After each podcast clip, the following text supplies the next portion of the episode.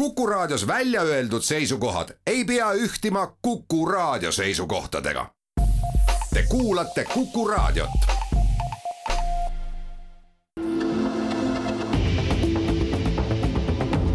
kahevahel. kahevahel. tere ajakirjanikud Timo Tarve, Ainar Ruussaar alustamas igareedest vestlussaadet Kahe vahel ja meie vahel Kuku raadio otsestuudios on täna Politsei- ja Piirivalveameti peadirektor Egert Belitšev, tere! tere!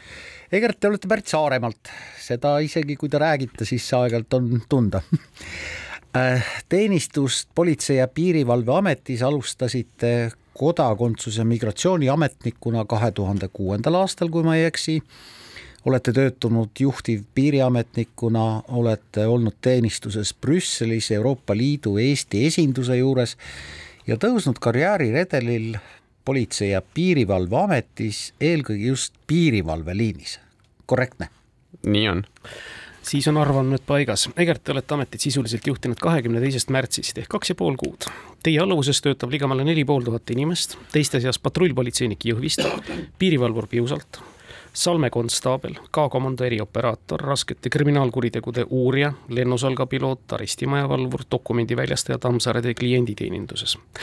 see oli nüüd suure pildi saamiseks, mis organisatsiooni te juhite ja teie päevad mööduvad suures jaos ikkagi, kui ma nüüd ei eksi, ikkagi enamasti koosolekutel. kas te olete selle kahe ja poole kuu jooksul saanud selgeks iga teie alluvuses töötava tubli inimese mured ja vajadused tööl? Kindlasti mitte iga inimese. Äh, ma tean seda, äh, mis on Politsei- ja Piirivalveameti äh, ootused nendele inimestele. ja ma tean seda, millega need inimesed iga päev rinda pistavad. tegelikult väga paljud nendest inimestest ka ei ole väga varmad oma muredest rääkima. ja mul jäi hulk ka veel nimetamata ka, ma selle ütlen ka kohe öelda ehk siis, et need inimesed ei ole väga varmad oma, oma muredest rääkima, aga, aga sa mõistad neid, kui sa räägid nendega pikemalt. minu kindlasti soov on see, et et äh, ma võimalikult palju inimesi läbi käin. kui küll mitte personaalselt, siis ma olen alati avatud selleks, et äh, ühel või teisel äh, murettekitaval küsimusel peatuda, vestelda ja, ja mind see teeb targemaks.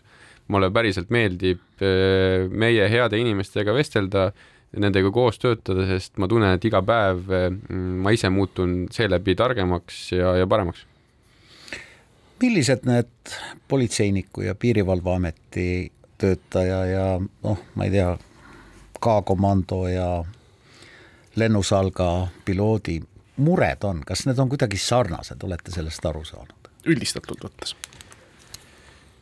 ja see on eh, väga paljudel erinevatel pers-, eh, nii-öelda perioodidel erinev, aga üks suurem mure täna on ka see, et loomulikult eh, palk. üks on palga küsimus ja see, kuidas tagada see sotsiaalne siis kindlus oma perele, sest paratamatult väga paljud inimesed, kes Politsei- ja Piirivalveametis töötavad, kes saavad väga hästi hakkama, kellele meeldib Politsei- ja Piirivalveametis töötada, nad on ka nii-öelda oma iseloomult, oma mõttelaadilt veidi teistsugused.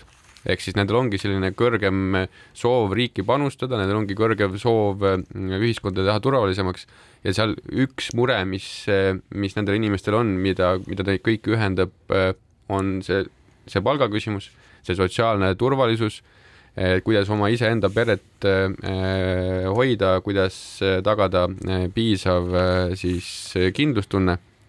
aga sinna juurde käib mure Eesti riigi ja mure turvalisuse pärast, sest meil meil on turvaline elada Eestis me oleme teinud selle nimel väga palju terve riigina aga, aga jätkuvalt on selliseid asju, mis, mis ei peaks seal olema, mis ei võiks seal olla ja mida me saaksime teha paremini. kahe tuhande kaheksateistkümnendaks, nüüd ju varsti saab viis aastat sellest otsusest, kui politseinike eripensionid ära kaotati. kui suure põõna see pani nüüd uuele järelkasvule ja pealetulevale põlvkonnale, kelle jaoks on need asjad hästi olulised, seesugused sotsiaalsed garantiid? ega tänane põlvkond väga palju ei mõtle pensionist veel karta on, jah. ehk siis see põlvkond mõtleb sellele, kuidas äh, toime tulla täna, äh, millised nende ootused äh, täna ja meie üks uute põlvkondadega seonduvalt üks suur väljakutse on ka see, kuidas inimesi organisatsiooniga siduda. just seesama, miks ma jääksin kauemaks, sest paratamatult politseiniku väljaõpe on midagi, mis, mis nõuab aega ja raha ja kui me oleme juba investeerinud inimesse, et siis kuidas teha nii, et tal oleks asutuses ja ametis võimalikult mugav töötada ta tunneks ennast hästi, ta teab, et ta saab teha seda, kus ta on hea need on need põhiküsimused. See, et kas ta kunagi kolmekümne aasta pärast saab eripensionit, siis tänaste ühinevate noorte jaoks, organisatsiooniga ühinevate noorte jaoks, see on selline kauge tulevik ja tegelikult neid erinevaid võimalusi on ju väga palju, ehk siis, et me teame seda, et täna tänapäeva noored, kui asuvad tööle, mõtlevad kohe juba investeerimise peale, ehk siis see on ka üks võimalus, kuidas oma pensionit kindlustada. nüüd, kui see palk on selline, mis tegelikult investeerimist ei võimalda, siis ta paratamatult ka selline uue põlvkonna inimene on, on natukene ka sisemiselt kahvlis, et mida edasi teha, kuidas kindlustada oma, oma tulevikku Egert Belitšev, te olete kõige õigem inimene ütlema kõigile, kes täna lõpetavad gümnaasiumi. Miks minna Sisekaitseakadeemiasse või politseikolledžisse? ma võin väga hea meelega öelda seda, et eh, miks tulla Politsei- ja Piirivalveametisse tööle. sisekaitseakadeemia on üks eh, osa sellest äh, sellest teekonnast. ja ma ütlen äh, Politsei- ja Piirivalveameti puhul äh, ja Sisekaitseakadeemia õppevaates, kui õppida politseinikuks või õppida äh, sellele, seda eriala, siis see annab sulle tõelise tundega töö. Ehk siis sa iga päev tunned seda, kuidas sa, kuidas sa päriselt saad teha Eestit paremaks, kuidas sa saad inimeste jaoks midagi, midagi teha, sa saad iga päev aidata oma töös Eesti inimesi ja vahet ei ole, millist tööd sa teed. Kas sa oled seesama äh, patrullpolitseinik, kas sa oled äh, K-komando äh, erioperaator, kas sa oled klienditeenindaja, kas sa oled personalitöötaja, kas sa oled kontoritöötaja, kes, kes näiteks registreerib kirju või, või saadab kirju laiali, siis see iga töö iga sekund, iga tund, mida me Politsei- ja Piirivalveametis teeme, on selle nimel, et Eestis oleks äh, turvaline elada. ja meil on väga lihtne eesmärk, meil on väga lihtne eesmärk, ma võib-olla siin võtan selle äh, võimaluse laenan Politsei- ja Piirivalveameti eesmärgi oma äh, pojalt, kes kunagi neli aastat tagasi joonistas ühe pildi selle pildi peal, see on hästi lihtne pilt. See on nelja-aastase poolt joonistatud pilt ja sealt on hästi lihtne välja lugeda, mis on Politsei- ja Piirivalveameti eesmärk. meie täiskasvanutena võib-olla teeme neid asju keerulisemaks, aga aga selle pildi peal on, on, on kaks politseinikku, üks nendest on rohelises vormis, teine äh, sinises vormis. seal on äh, palju erinevat politseitehnikat ja siis seal on kaks äh, pätti äh,. ja tegelikult kui me mõtleme hästi lihtsalt, siis Politsei- ja Piirivalveameti ülesanne on, on püüda pätte selles kõige otsesemas tähenduses ennetada seda, et neid pätte ei oleks, äh, aga kui nad on, siis püüda nad kinni teha nii, et kõigil Eestis oleks turvaline elada. Väga õige, väga lihtne, vahepeal, kui armastati väga organisatsiooni kultuuri rõhutada, tehti see asi jube keeruliseks, tekkisid mingid mõisted nagu klient, klienditeenindaja, klienditeenindus organisatsiooni siit, ühesõnaga see asi läks nii käest ära, tõesti, püüda pätte. kuulge, Egert, koos teie ja teie meeskonnaga PPA-s alustas tööd ju väga palju hoopis uue mõttemaailma suhtumisega inimesi, need on need inimesed, ma ei ütle, et äh, lumehelbekesed kindlasti mitte, nad on väga kihvtid poisid, tüdrukud, üheksakümnendate või kaheksakümnendate põlvkond juba. no näiteks Keskkriminaalpolitsei, mul oli suu ammuli, kui siin oli võimalus võõrustada Oskar Krossi, uut juhti, hoopis teise mõtlemisega IT-doktor Helsingi ülikoolist kastist välja mõtlemisega. K-komandosse on tulemas uus juht ja K-komando tegutseb ammu juba uutel alustel, ma usun, et nii-öelda kastist välja mõtlejaid on teisi kui organisatsiooni struktuurides kas me oleme siis nii-öelda selles ajastus, kus äh, me võimegi rõõmu tunda nii-öelda teistmoodi mõtlevatest noortest inimestest, kes on saanud vabas Eestis hariduse ja oskavadki mõelda kaugemale kui Lubja tänava arestimaja, ma ei tea, haisev kloak piltlikult öeldes. Me paratamatult oleme ühiskonnana, me oleme, me oleme riigina juba sellises olukorras, kus, kus see uus põlvkond, kes täna toimetab, kes on, äh, lähenevad keskeale või või, äh, või on saanud oma hariduse, ongi kasvanud vabas Eestis, nendel ongi see, see võimalus, et nad on, nad on näinud Eesti riiki arenemas ja, ja mina ka iseenda kogemust ütlen, et nähes seda noort riiki arenemas tohutu tempoga, äh, nähes neid asju, mida me riigina oleme teinud äh, alates üheksakümnendatest alates, kuidas me oleme õnnestunud, siis meie mm, suurepärane võimalus ongi neid samu asju rakendada ehk siis, et teha ka seda tulevikus, mitte jääda seisma, mõelda seda, et kuidas me saame olla paremad, kuidas me saame teha asju teistmoodi, sest see oli kunagi Eesti riigi selline eh, edulugu eh, ja väikse riigina meie ainukene võimalus eh, õnnestuda on see, kui me mõtleme kaks sammu ette ja sellisel viisil, et mida tulevik toob, kuidas me oleme ise selleks valmis, aga mõtleme ka hoopis teistmoodi seda, kui, kui eelnevad põlvkonnad on mõelnud.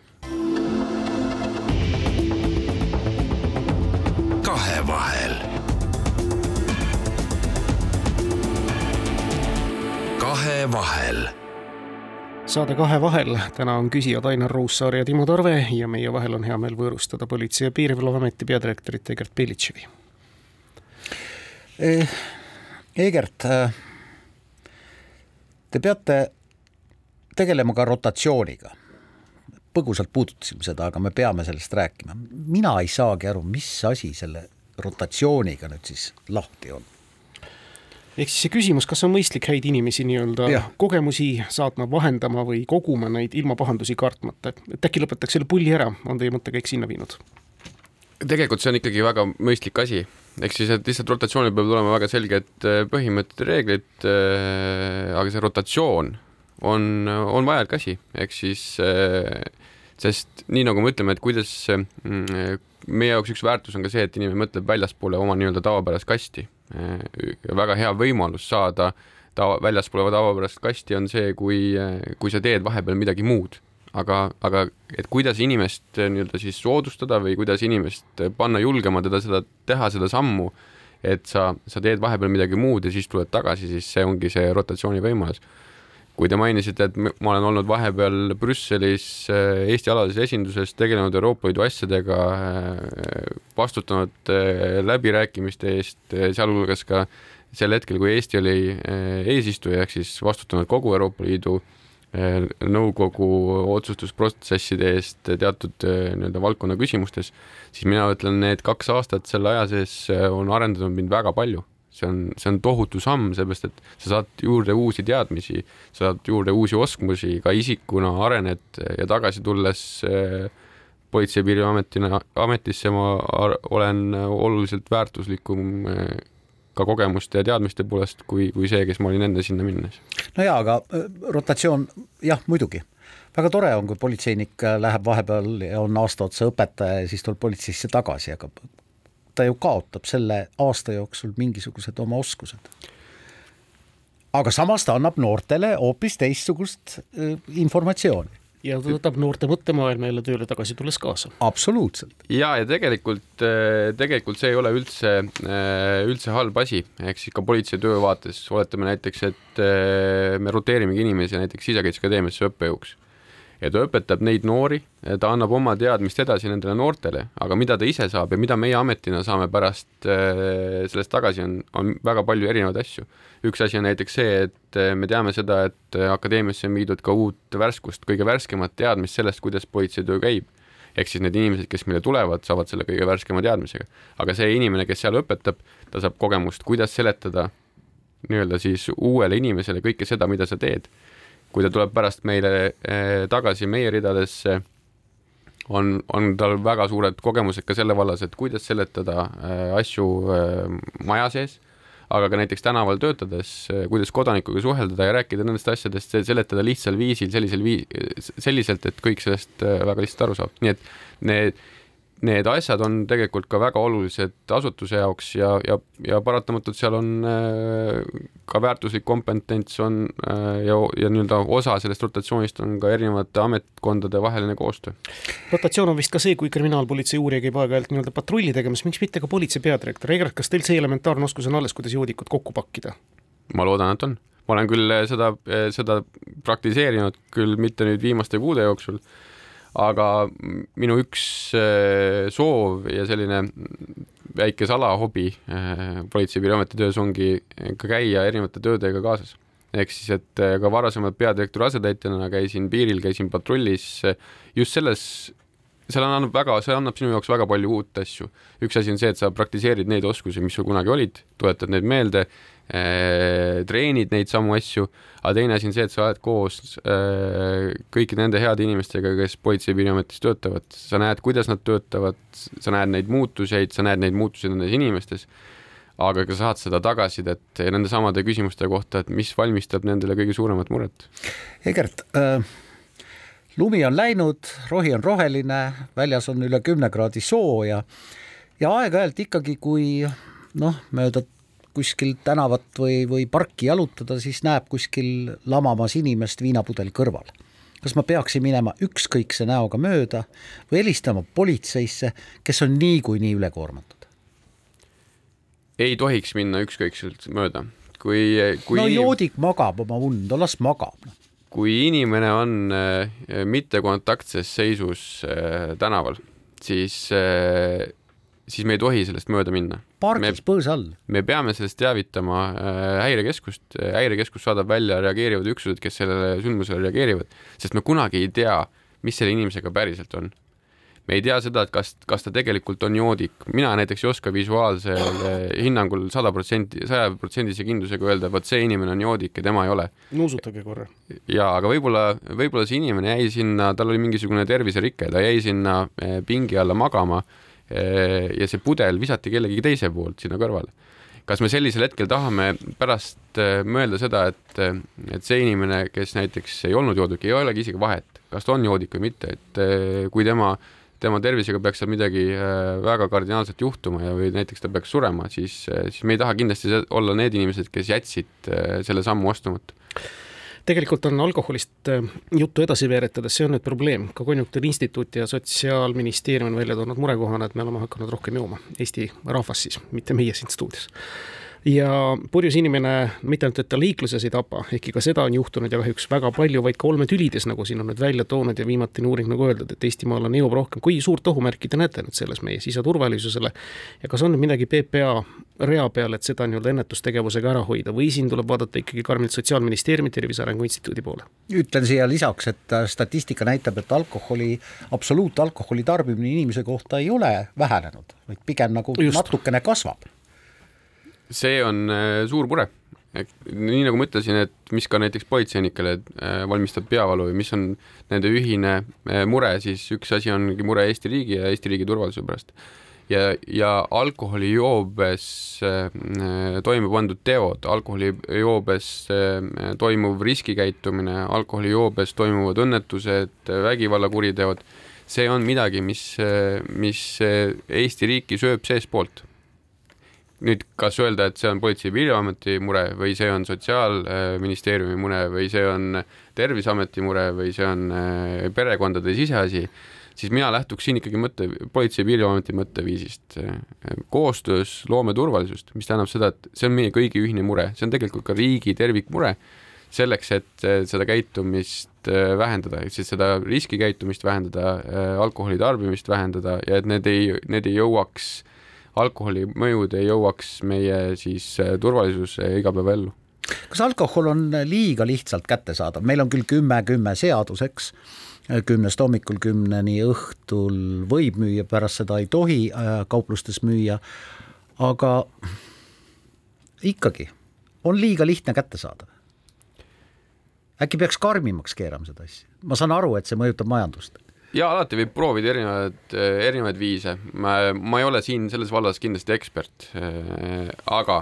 Teie isiklik arvamus? aga ma arvan, et äh, väga kardinaalne keelustamine ja karmistamine ei pruugi muuta äh, olukorras väga palju. taksoviin tuleb tagasi. ehk siis, kui see, me oleme näinud. õigus, jah see oli selline asi me oleme näinud ajaloos seda, kuidas, kuidas need karmid reeglid on olnud ja ei saa öelda, et see ühiskond oleks oluliselt vähem alkoholi tarbinud kui ilma nende karmide reegliteta. ma arvan, et siin pigem on mõtteviisi küsimus. alkoholi tarbimine, olgu, see on, see on aktsepteeritav aga teeme seda sellisel viisil, et sellele ei järgne riskikäitumist, peame seda piiri, ärme ületa seda, kus, kus me ei suuda enam oma tegude üle, oma tegusid kontrollida ärme lähe eh, pärast alkoholi tarbimist eh, sõidukirooli, mis on eh, ilmselge riskikäitumine, sest iga alkoholijoobes sõidukijuht on, on potentsiaalne mõrvar.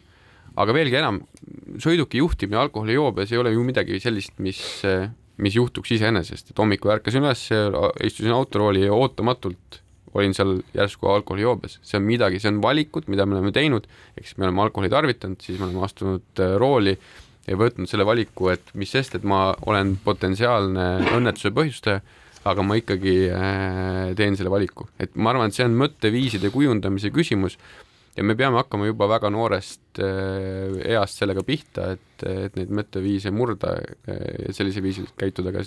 ma väga loo-, ma väga loodan, et kümne aasta pärast on enamus autosid sellised, mis ei käivitu, kui see on üks suund ja ka nagu te ütlesite, tõesti üheskoos lööme turvalisust ja see on tõesti meie kõigi teha, kaasa arvatud Kuku raadio selge grupijuhi kampaaniat, ma tuletan siinkohal kuulajatele meelde. kuulge, alkoholi tarvitamine, noh, ütleme suures laastus aias ei ole muutunud, alkoholi mõjul tehtavad teod ka mitte, lihtsalt autosid on rohkem juurde tulnud ja tapmisi teavad tapmisteks, vargusi teavad vargusteks, aga organiseeritud kuritegevus, kelmused, kõik need küberkuriteod on hoopis teine keskkond, hoopis teine iseloom, kas see nüüd on see koht, kus läheb vaja tõesti seda uut värsket mõtlemist ja uut värsket verd nende kuritegude lahendamiseks?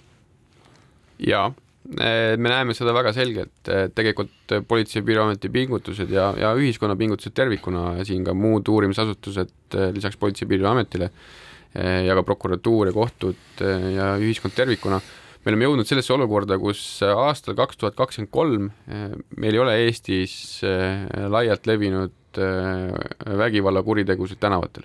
ehk siis organiseeritud kuritegevus on, on ohjes kui me oleme lugenud uudiseid, siis väga suur hulk organiseeritud kuritegevuse juhtidest, allilma liidritest istuvad kinnipidamisasutustes, kannavad oma vanglakaristust ja selle nimel on tehtud väga palju tööd. Nüüd, mis on muutunud, on see, et ühiskonna arenguga on, on muutunud ka organiseeritud kuritegevus. Ja tegelikult ka oma eh, toimingute raames me oleme näinud, et iga järgneva eh, organiseeritud kuritegeliku ühenduse uurimisel me, me ikkagi leiame väga sageli sealt materjali eelmise uurimise kohta, ehk siis tutvutakse kohtumaterjalidega, vaadatakse, miks eelmised vahele jäid ja üritatakse sellest ka õppida ja paratamatult see kogu see digikeskkond, kübermaailm, äh, krüpteeritud äh, andmeside, krüpteeritud platvormid äh, andmete vahetamiseks, info vahetamiseks, need on kõik levinud ka siis organiseeritud kuritegevuses. meie ülesanne on siin olla nutikamad ja alati leida neid uusi võimalusi, kuidas siis seda tõkestada, ehk siis kuidas olla ikkagi see õigust kandev jõud, kes, kes sellised äh, teguviisid peatab ja, ja, ja tõkestab. aga loomulikult ka kelmus. kahevahel. kahevahel saade Kahe vahel, Ainar Ruussaar ja Timo Tarve on täna reedel, üheksandal juunil võõrustamas Politsei- ja Piirivalveameti juhti Egert Belitševi Egert, äh, noh, loomulikult võib guugeldada ja, ja otsida tähendust sõnale korruptsioon, jube keeruline. Teie tin-, kindlasti oskate kuulajatele öelda, kuidas korruptsiooni ära tunda? on mingi reegel? see on Selle... selline salakaval asi ja need reeglid on kirjutatud meile seadustesse sisse. no keegi ei loe ju ja ei õpi seadusi pähe jaa, aga korruptsioon on see, kui tegelikult äh, saadakse mingi hüve, äh, aga mitte siis äh, sada protsenti ausal teel, vaid selle jaoks on tehtud kellegiga ebaaus või ebaseaduslik kokkulepe. see ei pea raha olema? see ei pea olema raha, see võib olla ka väga, väga selge, kas kokkulepe, kas nii-öelda vorst vorsti eest, teene, teene eest, aga, aga see tähendab seda, et korruptsioon on see, kui sa oled saanud mingisuguse hüve selle ebaseadusliku kokkuleppe tulemusena. kas hea tutvus kellegiga ja läbi selle võib-olla järjekorras, arsti järjekorras ette tõusmine on korruptsioon. noh, olen ühes korporatsioonis kellegiga noh, ta on mul korbivend, eks ja nii edasi. naaber.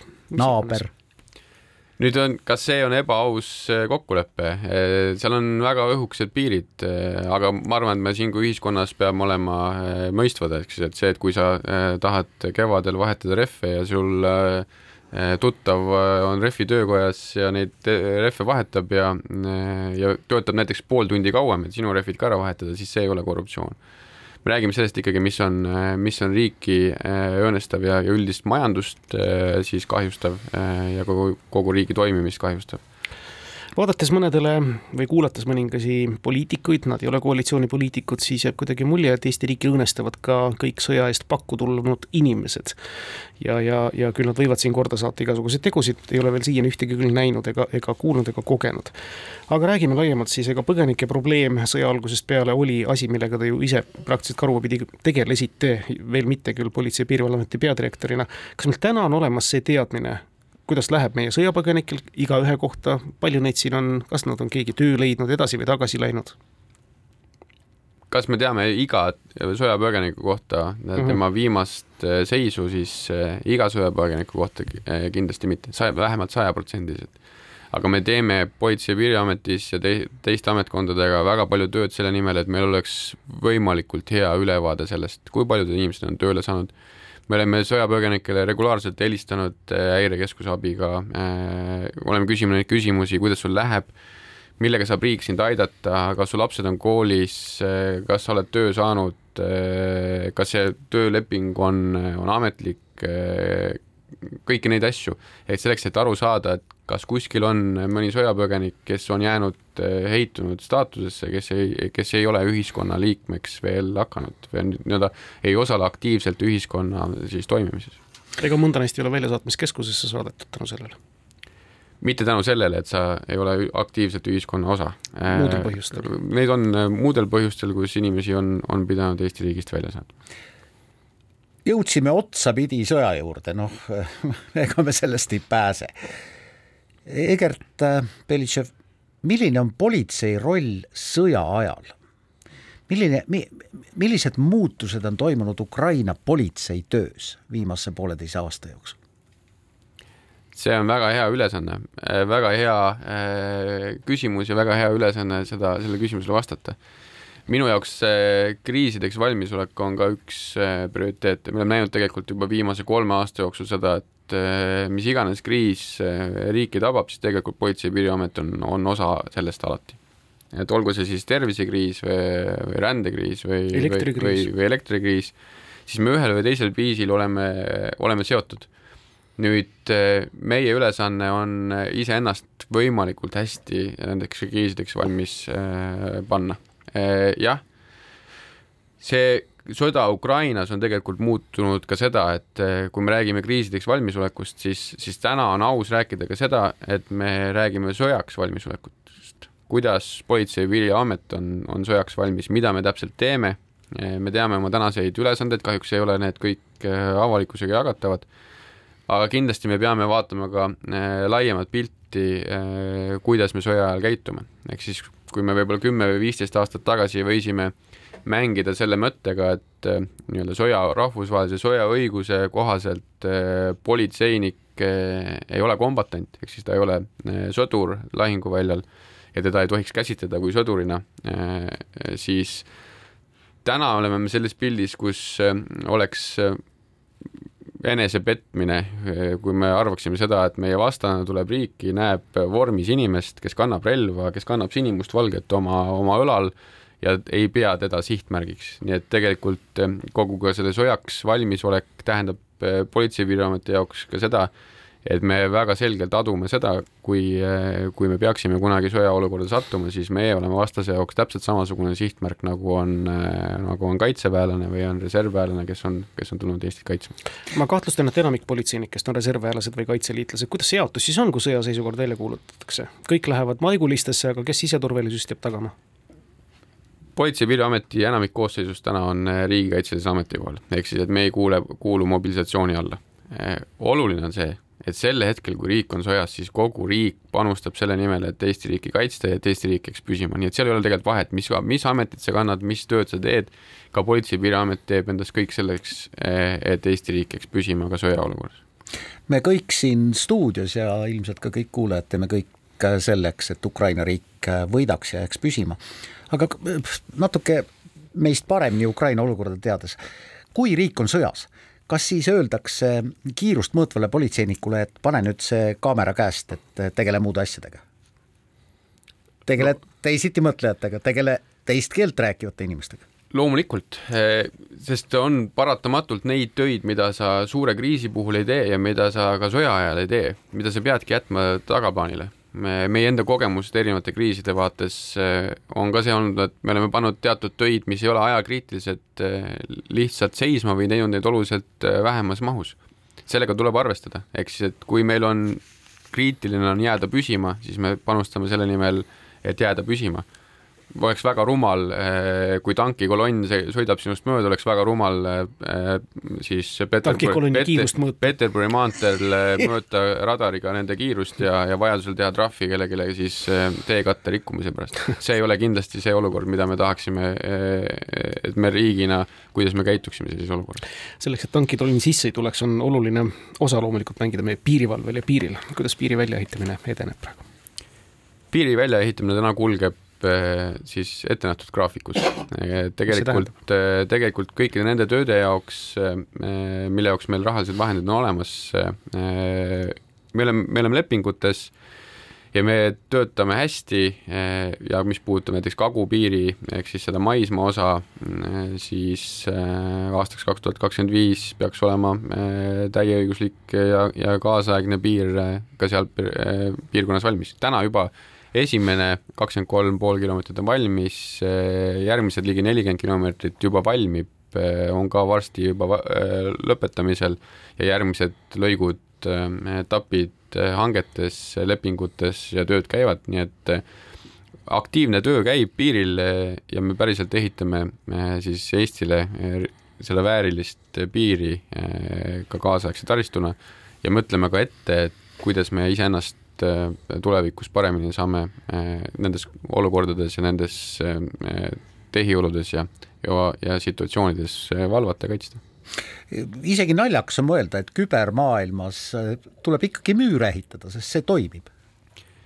sellest aiast räägitakse väga palju ja väga pikalt. minu jaoks rääkides nii Eestis sees, rääkides Eestist väljaspoole, sest see aed tekitab kirgi paratamatult erinevates kohtades mina ei tahaks kunagi keskenduda sellele aiale, ehk siis ma räägin äh, alati komplektist.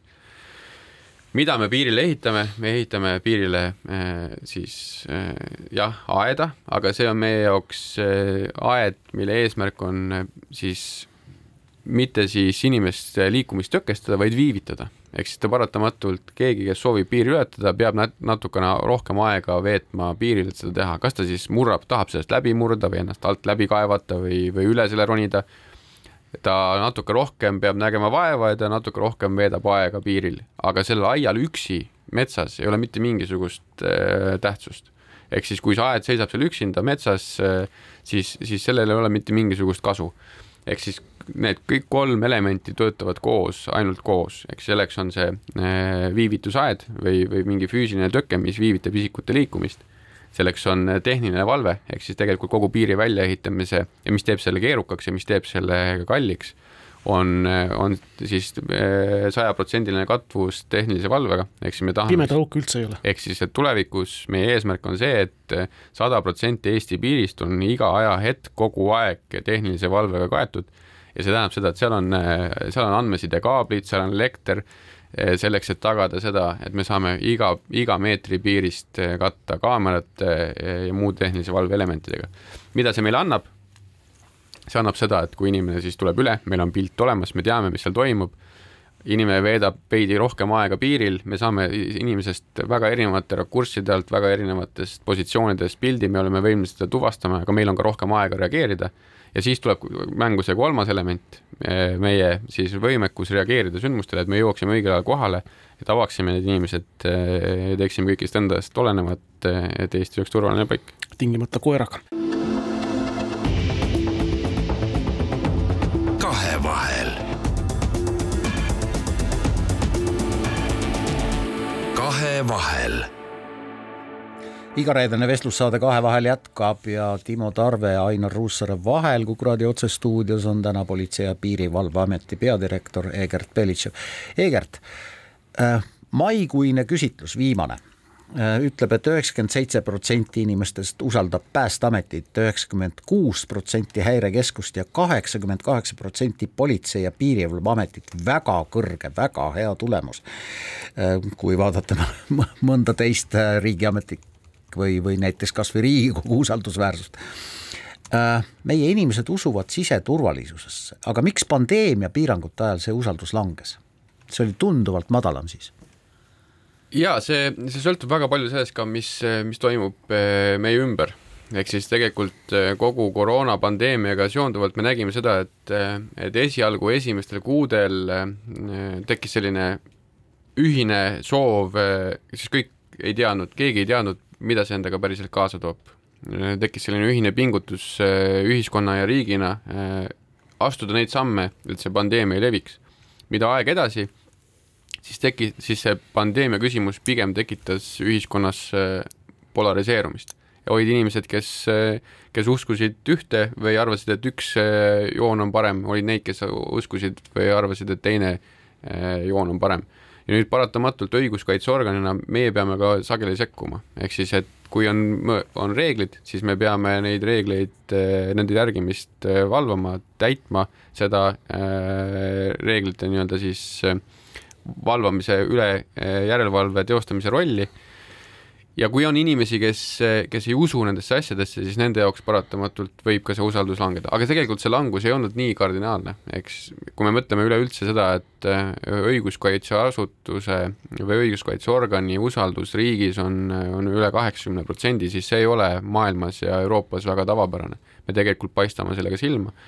ja see on meie selline nii-öelda äh, pidev tegevus, äh, mis puudutab siis oma suhtlemist Äh, kommunikatsiooni, see, kuidas me, kuidas me kodanikega räägime ja mida meilt võib oodata, ehk siis me oleme ausad äh, ja me oleme läbipaistvad ja see paratamatult äh, toob ka seda tagasisidet, ehk siis meid usaldatakse. jah, inimesed teavad, et me, et me teeme trahve inimesed teavad, et me karistame äh, siis õigusvastase teo eest, aga nad teavad, et me teeme seda täpselt nii, nagu, nagu reeglid ette teevad, näevad ja nad oskavad meilt oodata teatud tüüpi käitumist. No ma arvan, et kui küsida kogenud retsidiivi käest, ega tema ka nüüd politsei mainet väga heaks ei kiida ja üldiselt tuleb aru saada sellest, et politsei on õiguskaitseorgan, tagamaks avalikku korda, ennetamaks pahategusid ja karistamaks tõesti neid, kes ei käi kokkulepitud korda ja seadust pidi. nii lihtne see asi ongi, politseinike töö on pätte püüda, me jõuame jälle sinna tagasi, eks ju. Egert. kui, kui lihtsalt, kui ma tulen sellesama pildi juurde tagasi, millest me kunagi rääkisime, sellest pättide püüdmisest, siis tegelikult selles pildis on üks hästi hea detail ka minu jaoks et kui vaadata neid kahte pätti, kes selle pildi peal on, siis üks nendest naeratab, nii et, nii et ka tema vaates on usaldus politsei suhtes kõrge. jaa, ta saab katuse alla sooja lubi peale. Egert, politseinik alustab täna tööd tänu siseministeeriumi valitsuse palgatõusule, mis oli läinud aastal kakskümmend protsenti, ta alustab täna tuhande kaheksasaja viiekümne euro pealt, umbes nii, jah. ja vaatasin just märtsikuu keskmine palk.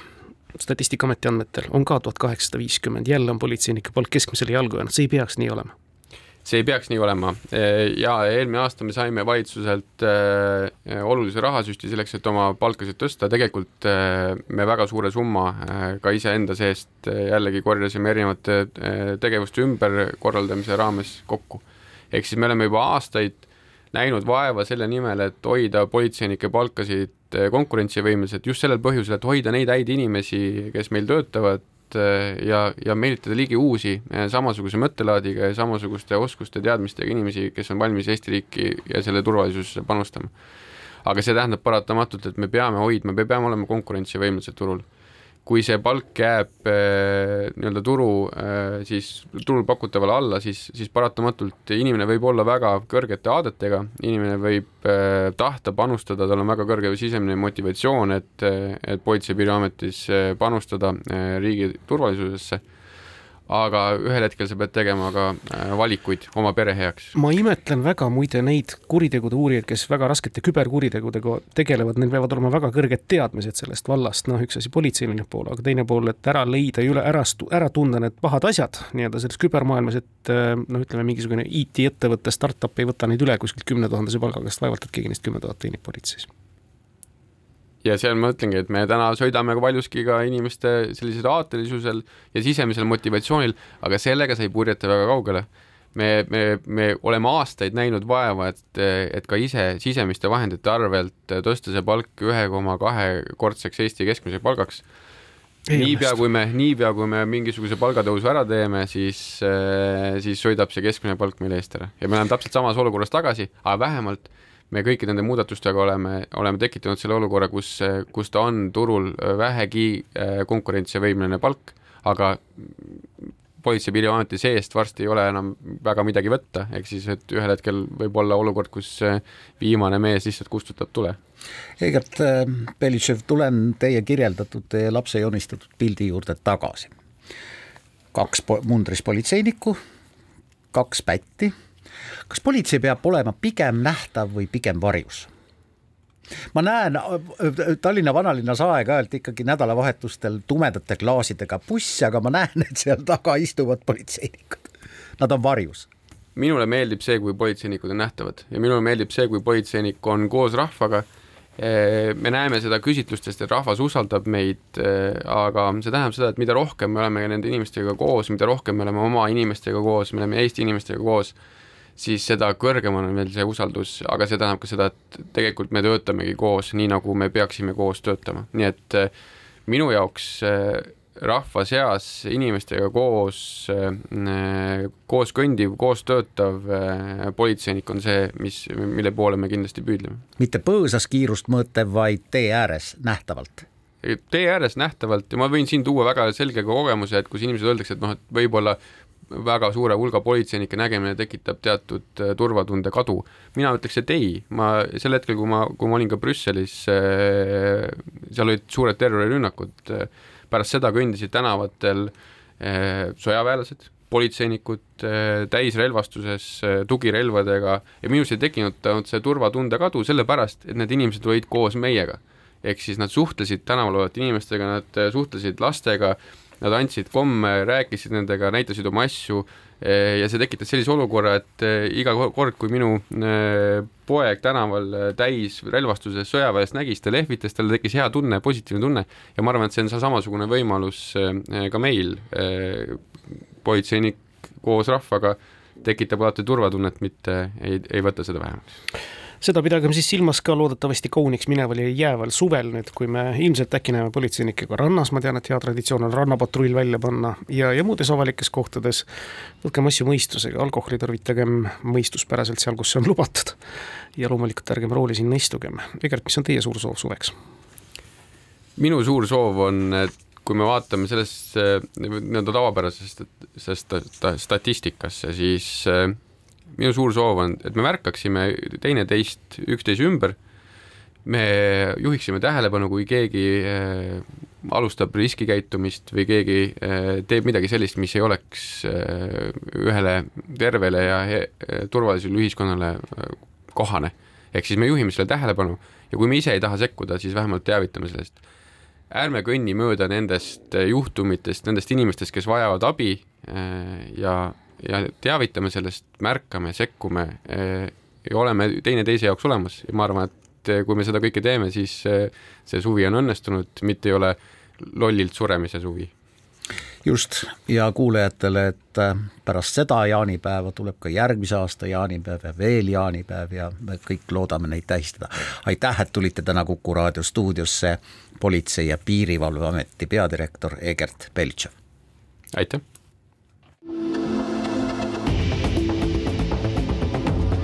Kahevahel